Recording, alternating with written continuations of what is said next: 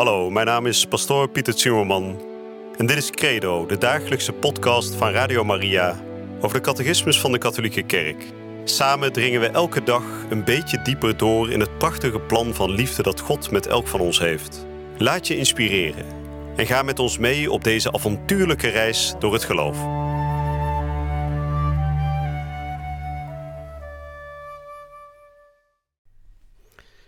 Vrienden, van harte welkom terug bij Credo, de dagelijkse podcast hier bij Radio Maria. Waarin we inmiddels al aardig opschieten in de catechismus. We zijn inmiddels al bij nummer 541 aanbeland. In de Nederlandse vertaling is dat pagina 134.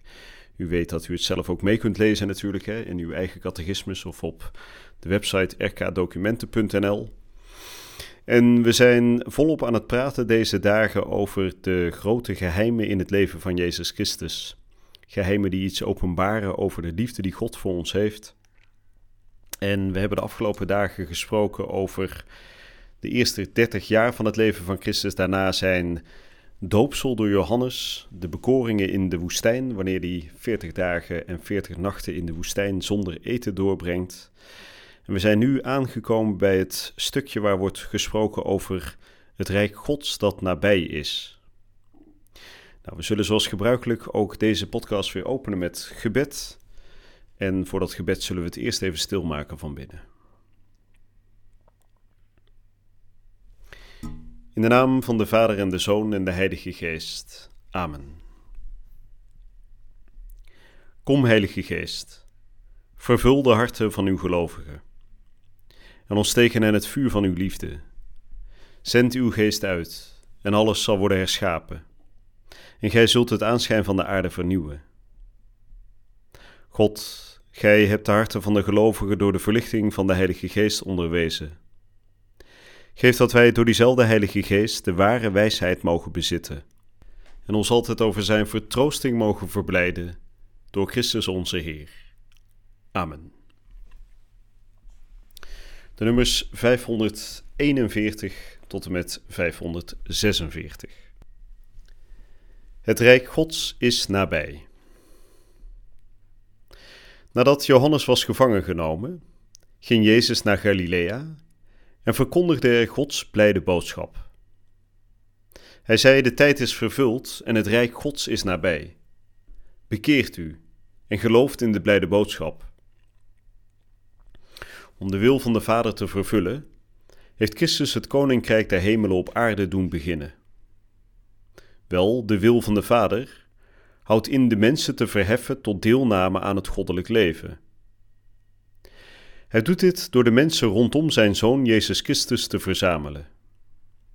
Deze verzameling is de kerk, die op aarde het zaad en het begin van het koninkrijk van God is. Christus staat in het midden van deze verzameling mensen, in Gods familie. Hij roept hen rondom zich samen door zijn woord, door zijn tekenen die het rijk van God zichtbaar maken, door het zenden van zijn leerlingen. Hij zal de komst van zijn rijk vooral verwezenlijken door het grote mysterie van zijn Pasen, zijn dood op het kruis en zijn verrijzenis. En wanneer ik van de aarde zal zijn omhoog geheven, zal ik alle tot mij trekken. Alle mensen zijn tot deze vereniging met Christus geroepen. De verkondiging van het Rijk Gods. Alle mensen zijn geroepen binnen te gaan in het koninkrijk. Allereerst verkondigd aan de kinderen van Israël, is dit Messiaanse koninkrijk bestemd om de mensen van alle volken op te nemen. Om binnen te treden moet men het woord van Jezus in zich opnemen. Het woord van de Heer wordt immers vergeleken met het zaad dat op de akker gezaaid wordt. Zij die het met geloof aanhoren en gerekend worden tot de kleine kudde van Christus, hebben het koninkrijk in zich opgenomen. Daarna ontkiemt het zaad uit eigen kracht en schiet het op tot de tijd van de oogst. Het koninkrijk behoort aan de armen en de kleinen. Dat wil zeggen aan hen die het met een deemoedig hart in zich opgenomen hebben. Jezus is gezonden om aan de armen de blijde boodschap te brengen. Hij noemt hen zalig, omdat aan hen het rijk der hemelen behoort. Aan de kleine heeft de Vader willen openbaren wat verborgen blijft voor de wijze en de verstandige. Jezus deelt van kribbe tot kruis in het leven van de armen. Hij kent honger, dorst en gebrek. Wat meer is, hij vereenzelvigt zich met armen van allerlei slag en maakt van de daadwerkelijke liefde jegens hen een voorwaarde om in zijn koninkrijk binnen te treden. Jezus nodigt de zondaars uit aan de tafel van het koninkrijk. Ik ben niet gekomen om rechtvaardigen te roepen, maar zondaars. Hij nodigt hen uit tot de bekering, zonder welke men het koninkrijk niet kan binnengaan. Maar hij toont hun ook in woord en daad hoe grenzeloos de barmhartigheid van zijn Vader is jegens hen. En hoe immens de vreugde in de hemel over één zondaar die zich bekeert. Het uiterste bewijs van deze liefde zal het offer zijn van zijn eigen leven tot vergeving van zonde. Door middel van zijn parabels, die heel typerend zijn voor zijn onderricht, roept Jezus mensen op zijn koninkrijk binnen te gaan.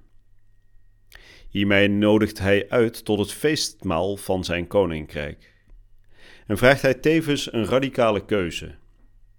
Om het koninkrijk te verwerven moet men alles geven.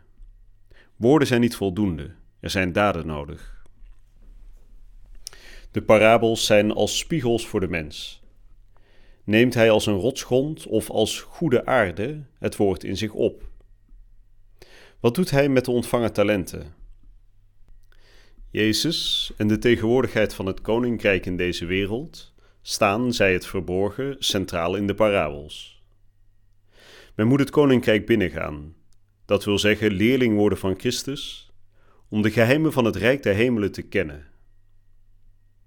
Voor hen die er buiten staan, blijft alles raadselachtig. Nou, dat waren de nummers 541 tot en met 546. Nou, de catechismus begint vandaag te zeggen dat Christus zelf natuurlijk de blijde boodschap verkondigt en aankondigt dat het Rijk Gods nabij is.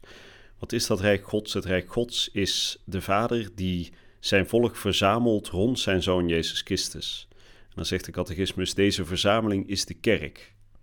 Is eigenlijk wel een prachtig beeld natuurlijk. Hè? Wij denken bij kerk misschien eerder aan een kerkgebouw of aan een instituut. Maar wat is de kerk in de meest diepe zin van het woord? de verzamelde gemeenschap rond Christus.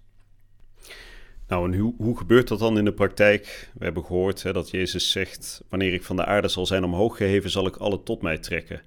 Hè, de, van de aarde omhoog geheven, we weten, Jezus sterft en verrijst. Daarna stijgt hij op ten hemel om plaats te nemen aan de rechterhand van zijn Vader. En vanuit de hemel trekt hij dus alle mensen tot zich. En hoe kunnen wij op dat trekken van de Heer ingaan? Natuurlijk door leerling van Hem te worden, door binnen te gaan in Zijn koninkrijk, door eerst Zijn woord als zaad te laten landen in ons hart en om het daar op te laten schieten voor de oogst. En wat ook nodig is om dat koninkrijk van God binnen te treden, om dus in een vereniging met Christus te gaan leven, om tot die verzameling te horen van mensen die wordt geroepen uit dat oude leven, om te behoren tot Gods familie is ook bekering nodig. er staat in de catechismus: De Heer nodigt ons uit tot bekering, zonder welke men het rijk Gods niet kan binnengaan. dus we hebben wel bekering nodig. En tegelijkertijd zien we ook die grote barmhartige liefde van God. Dat zelfs wanneer iemand zich bekeert en hij toch weer zou struikelen of toch weer zou vallen, vergeving ook altijd weer mogelijk is. Nou, prachtig beeld, hè? Christus in het hart van zijn kerk, in het hart van zijn familie, die zijn volk verzamelt vanuit de hemel. Door het doopsel, door onderricht, hè, door het leerling maken van de volken en door ze zo thuis te brengen bij zijn hemelse vader. En dan sluit de catechismus vandaag af met te zeggen dat de parabels daar iets over vertellen, over de manier waarop Christus zijn volk verzamelt. En die parabels die gaan over Jezus en over de tegenwoordigheid van het koninkrijk in deze wereld. En als wij niet door Christus getrokken worden tot die gemeenschap met Hem, dan blijft alles raadselachtig, zoals we net hebben gehoord.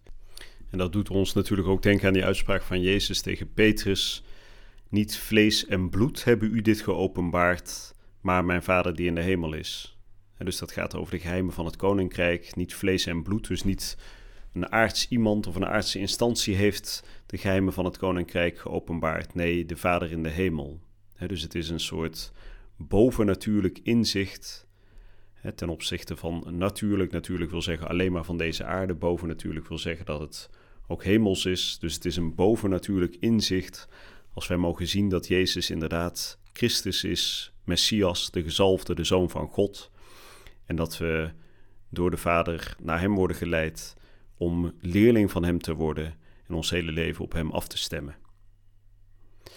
Nou, we gaan daar in de volgende uitzending nog over door. Dan gaan we spreken over de tekenen van dat Rijk Gods. Vandaag hebben we gesproken over het Rijk Gods is nabij, hè, de uitspraak van Christus zelf, bekeert u. En de volgende uitzending gaan we spreken over hoe we dat Rijk Gods kunnen herkennen. Wat zijn daar de tekenen van?